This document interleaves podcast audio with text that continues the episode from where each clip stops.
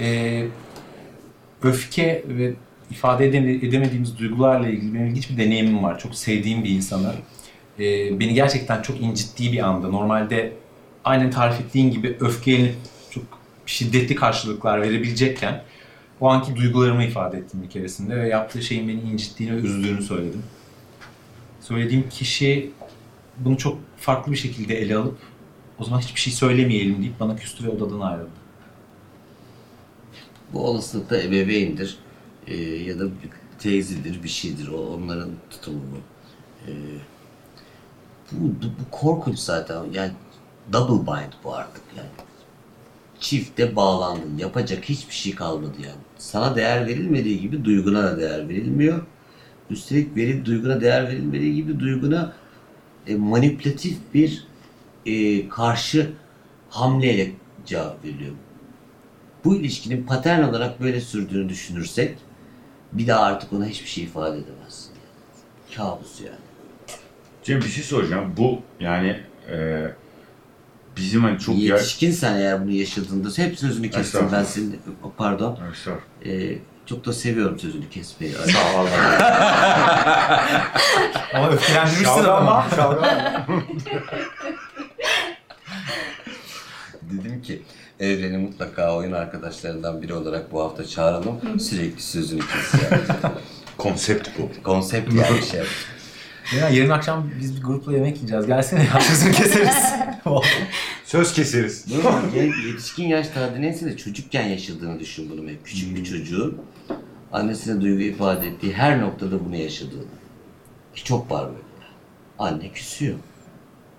Çocuk derdini anlatıyor, anne küsüyor. Bir de üstüne şunu hissettiriyor yani, suçluluk hissettiriyor. E, bu çocuğu öfkelendirir. Bir de o yaşlarda anne ve baba denilen e, figür neredeyse olumsuz duygu yaşanması yasaklanmış gibidir.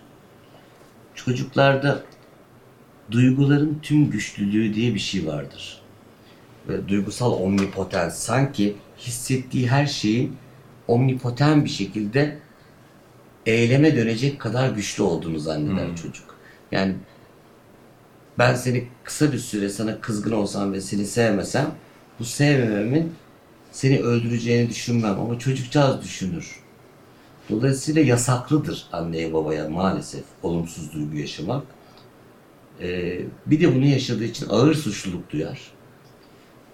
Suçluluk duyduğu için ve ona suçluluk hissettiren o kişiyle ilgili yeniden öfke duyar. Yeniden suçluluk duyar. Kabustan bahsediyoruz aslında. Bir kitap vardı senin bununla ilgili tavsiye ettiğin.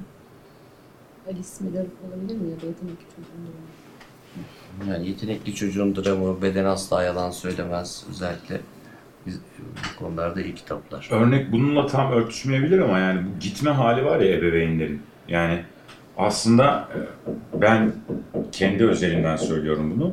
Yani böyle bir yokluğuyla sınava sokma hali e, ailenin Yokluğuyla tehdit etme desen daha da güzel. Ha, evet, tehdit yani mesela bu çok kullandığımız, ben de bir baba olarak e, ben çok kullanmaya dikkat ediyorum gerçi ama yani işte yemeğini yemezsen seni götürmeyiz işte bir yani benim olmadığım bir ortamla tehdit etme durumu e, sonrasında da sana bir şey anlatamayacak mıyız deyip, çekip gitme hali var ya, yani bu yokluğun bir aşılması gerekmiyor mu sence yani artık bu yokluğa karşı nasıl bir mücadele vereceğiz biz yani?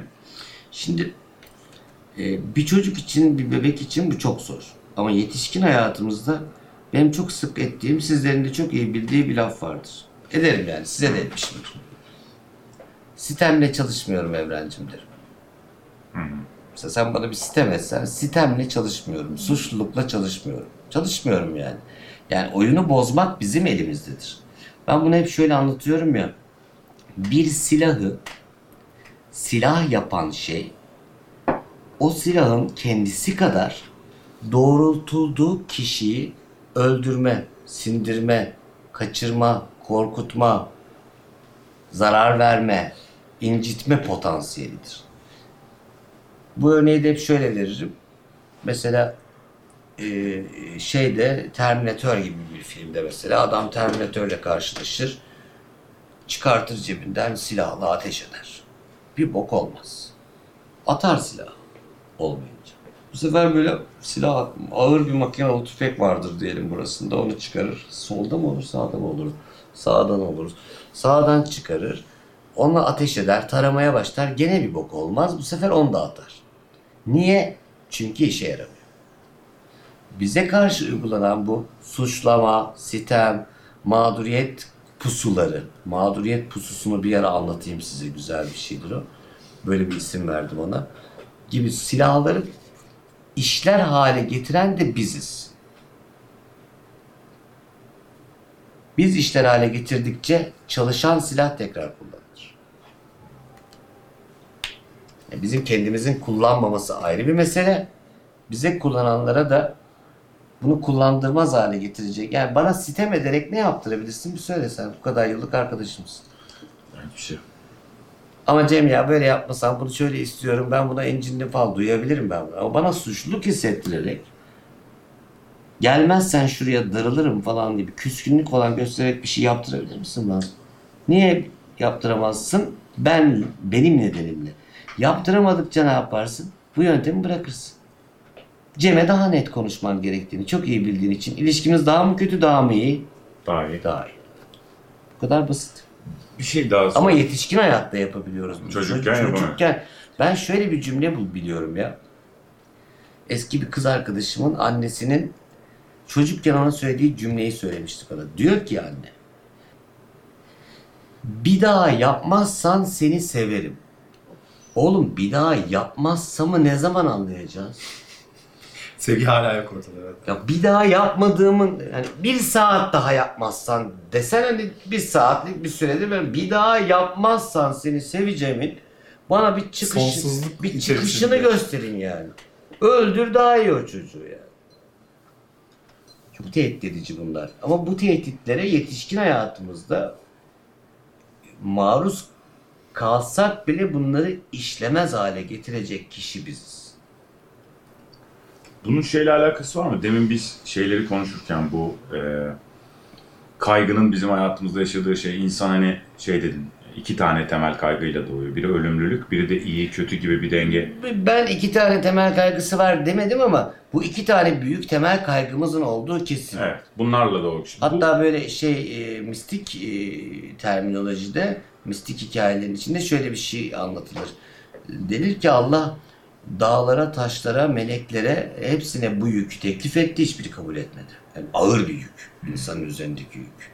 Şimdi melek olmak çok kolay abi. Melek iyi işte, kötülüğü yok ki. Melekten kötülüğün yok. İyi ile kötü arasında bir seçim yapma zorunluluğu yok melek. E, Dağın da yok, taşın da yok, ağacın da yok, ormanın da yok. Bizimki öyle Günah değil. işleyemiyorlar bunu. Bizimki öyle değil. Dahası yani eğer o, o mit üzerinden anlatırsam diyelim ki Adem ile Havva meselesi üzerinden o hikaye ne diyor? Ee, şeytana uydular, elmayı yediler, yılan kandırdı, tavus geldi, bilmem ne yaptı. Şimdi Allah'ın gözünden kaçacak bir şey olur mu? Eğer Allah diye gerçekten bir şeye inanıyorsan Allah'ın herhangi bir şey gözünden kaçmıyor. Allah sistemi böyle kurmuş. Yani buna izin vermiş. Yani sistem böyle kurmuş. Bizim o elmayı yememize izin verilmiş. O hikaye o kadar basit değil yani. Yoksa derdi ki "Ya koskoca Allah'ın gözünden kaçmış gibi bir şey demek yeterince iman sahibi olmamak demektir. Gözünden kaçan bir Allah olur mu yani? Allah'ın gözünden de bahsedemeyiz ayrıca.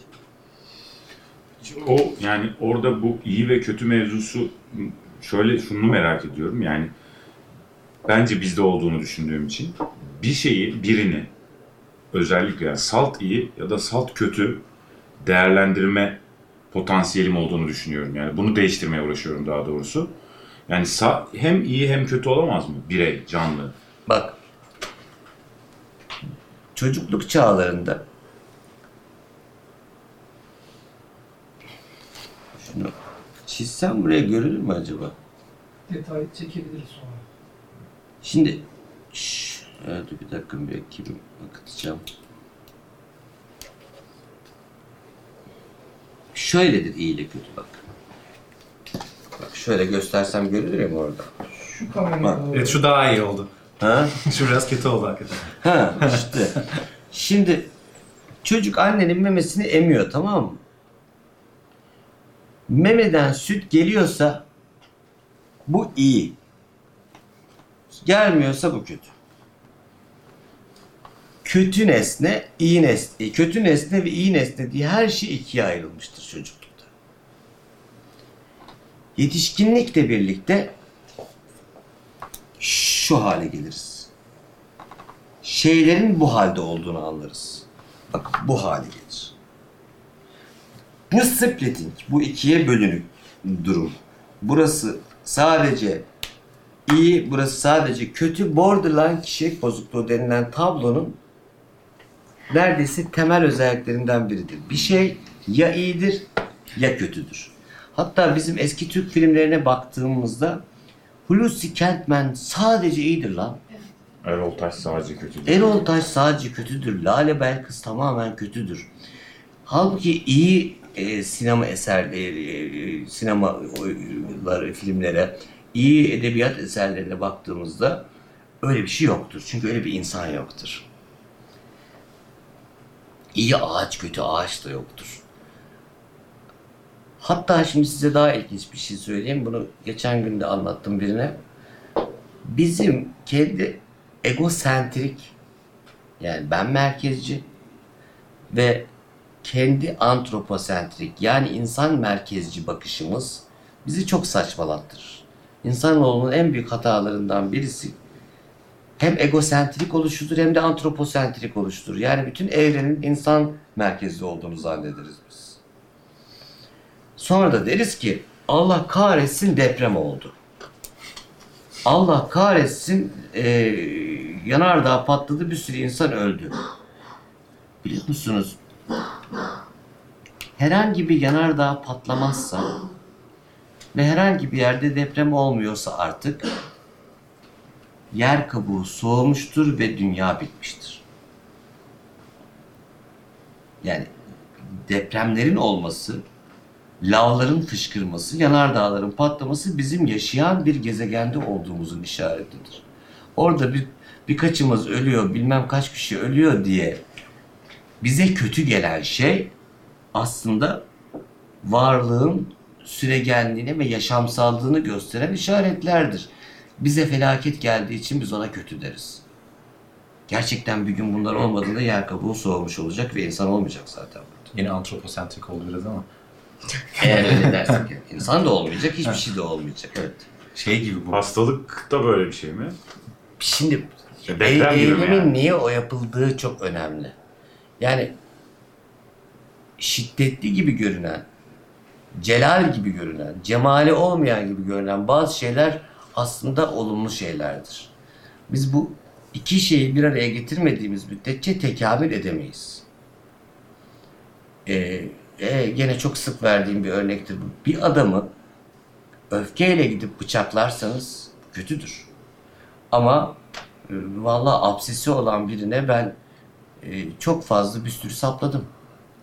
Operasyonlarda çok fazla insan kestim ben.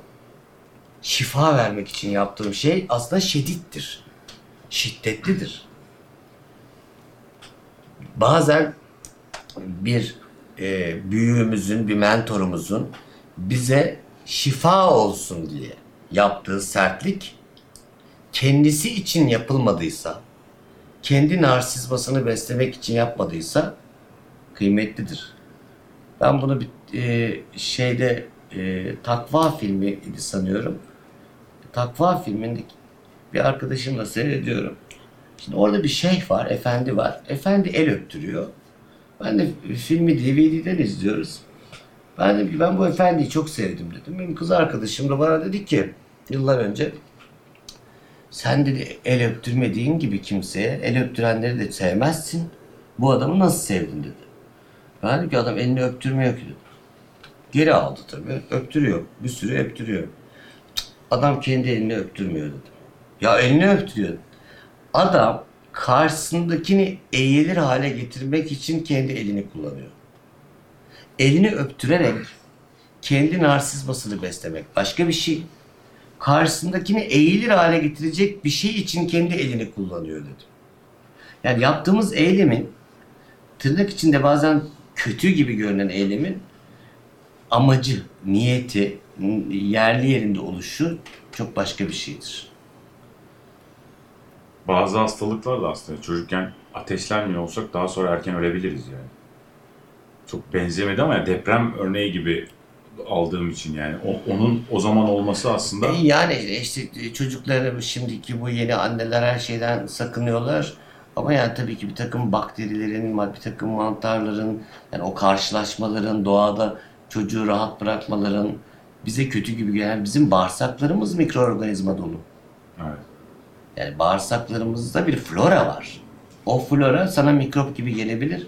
Yoğurt yediğinde yediğin şey aslında mikroorganizmalar tarafından yapılmış bir şey. Hatta onu iyice yemediğin için probiyotik diye bir şey satın alıp içiyorsun sonra. Mikrop o. Ekmek dediğin şey mikroorganizmalar tarafından mayalanan bir şey. Yani, e, yani bütüncül bakmak böyle bir şey. Mikroorganizma kötüdür. Ee, sinekler kötüdür, şunlar kötüdür, o kötüdür, bu iyidir diye bir şey yok. Bu antroposentrik bakış açısının getirdiği şeylerden bir tanesi de şu olabilir mi? Hayvanları da kendi kişisel özelliklerimize göre nitelendiriyoruz ya. E şimdi antroposentrik-. Antroposentrik bakış kedilere nankör demek, ondan sonra kedilerin veya köpeklerin davranışlarını ay bak şimdi şunu söylemek istiyor demek gibi sevimli gibi görünen şeyler yapmak. Ne bileyim bütün uzaylıları nasıl canlandırırsak, hayal edersek gidelim yine de burnu, İki ağzı, gözü. kulakları ve iki gözü en fazla tek gözü olan gene bir şeye benzetmek. O kadar salağız ki ulan uzaylı dediğin şey belki de bizim gözümüzün görmediği bir şey bilmiyoruz yani. Öyle bir şey değil yani. Çok antroposentrik, çok insan merkezli bakıyoruz ve kendimizi her şeyin hakimi zannediyoruz. Bunun ötesinde bir de egosentrik olunca körleşmenin dibi.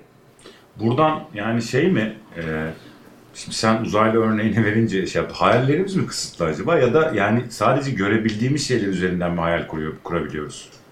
Yani mesela e, beş boyutlu bir şey hayal etmek çok zor ya benim için şu an. Yani biri bir filmde ancak deneyecek de işte yakın zamanda izlediğimiz bir filmde. O zaman beş boyut yine anlamlandıramıyoruz da ilk başta zor oluyor. Yani hayal etmeyle bunun örtüştüğü yer neresi? Yani hayali nasıl geliştireceğiz o zaman? Şimdi orada şeyi de kabul etmek lazım ya. Bir kere gene çok egosentrik ve tüm güçlü bir şey var orada. Omnipoten bir şey var. Anlamadığından uzak kalma. Anlamadığını anlamsız zannetme ve kendi kapasiteni, kendi duyularını, kendi beynini insanoğlunun çok önemsemesiyle ilgili bir şey bu. Yani her şeyi anlamakla çözemeyiz. Onun için hissetmek diye bir şey var. Onun için kalple anlamak diye bir laf var. Onun için kalp gözü diye bir takım laflar var. Yani hangi kültüre giderseniz gidin, işte tasavvufta marifet denilen şey, bilmem ne denilen şeyin içinde hep çok fazla şey geçer. Mesela bu iş ne akılla olur ne akılsız denir. Aklına da bu kadar güvenmeyeceksin. Çünkü aklına güvendiğinde aklın sınırları içinde kalmaya başlıyorsun. Anlamamanın seni düşürdüğü güçsüzlük halinden de anlam devşirebilirsin, mana devşirebilirsin. Tarif edebildim mi? Evet evet anladım. Gayet net. Aslında sanki böyle bir şeyleri kalıplara sokmak veya illa bir tanım koymak değil de bazı şeyleri olduğu gibi görüp hissetmek gibi bir şey gibi geldi bana. E, İşte mesela bilim adamlarıyla bilim uğraşıcıları diye iki ayrım yaparım ben. Ne demek derler bana? Bu şu. Şimdi adam akademisyendir ve profesördür ve olayın bütün bilgisine hakimdir. Ve onun dışındaki her şeye gayri bilimsel bakar. Ondan bilim adamı olmaz. Bilim adamı onun ötesindeki bir şeyle meşguldür. Yani iyi bir bilim adamı Einstein'sa iyi bir bilim uğraşıcısı Einstein'a döner şunu der. Saçmalama öyle bir şey yok bilimde der. Hatta Galile dünya yuvarlak diye dediğinde eğer bilim adamları olsaydı kilise yerine onlar şöyle derlerdi. Bilimde böyle bir şey yok laf uydurma derler. Bilim adamı olmayan şeye doğru uzanır. Bilim uğraşıcısı da adeta bir katolik papaz gibidir. Sanatta peki? karşı- Sanatta da tam da bu geçerlidir. Yani bunu bir ara tahtalı bir e, tahta koyduğumuz bir şeyde çizerek anlatayım size yani. Yarat gerçek artistik yaratıcılıkla sanat uğraşıcısını çok iyi ayırt ederim size. Sanat uğraşı, sanatla uğraşıyor. Yani resim yap, yapsın, hep sabahlara kadar yapsın yani. Uğraşıcı. Uğraşıcı diyorum ona ben. Sanatçı değil. Gene çok naziksin. evet. E, çünkü ben bir şeyle uğraşmanın da kıymetli olduğunu düşünüyorum. Aşağılamıyorum ki onu. O da çok kıymetli bir şey. Ama burada uğraşma tarifi biraz ben yani oyunculuktan dolayı söylüyorum. Hani yaratı sürecinde geçen bir şey okudum. İşte bir tane oyuncu işte sokakta yaşayan bir adamı canlandırmak için sokakta e, takılıyormuş. Başka bir oyuncu da şey demiş ya ben, evet ben Tanrı'yı oynadım ne yapacağız o zaman demiş ya. Bu, hani böyle bu gazetelere poz vermek için orada hani ben sokakta bunu deneyimliyorum demekle de olacak bir şey değil. Yani gerçekten kendinle baş başa kalıp kendi içindeki o adamı çıkarma derdi de öyle bir mücadele belki de. Evet evet ben bazen mesela adam gelir torunuyla ilgili veya çocuğuyla ilgili bir şeyle ilgili bir şey anlatır. Ama sizin çocuğunuz yok ki beni anlayamazsınız falan dediğinde umarım e, ileride Alzheimer olduğunda Alzheimer'lı bir doktor aramazsın diyor.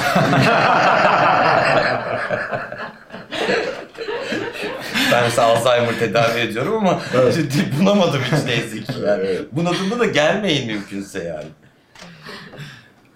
Tabii canım yani o, o- öyle işte rahim ağzı kanserine erkek doktora gitmek gibi yani. Gitmeye, gitmemek gerekiyor o zaman. Sizin rahminiz ve o rahminizin ağzı olmadığı gibi kanser de olmamış. Siz bana yardım edemezsiniz demek gibi bir şey o. Bu sanat uğraşıcısı ve sanatçıya dönersek, yani burada bir yaratım sürecinde bir farklılık var. Bunu Aynen. e, bence şey yapalım ama. Tahtalı. Tahtalı bir, bir tahta arkamıza tahta koyduğumuz bir yerde güzel anlatalım ki e, ayrı açık açık olsun bu.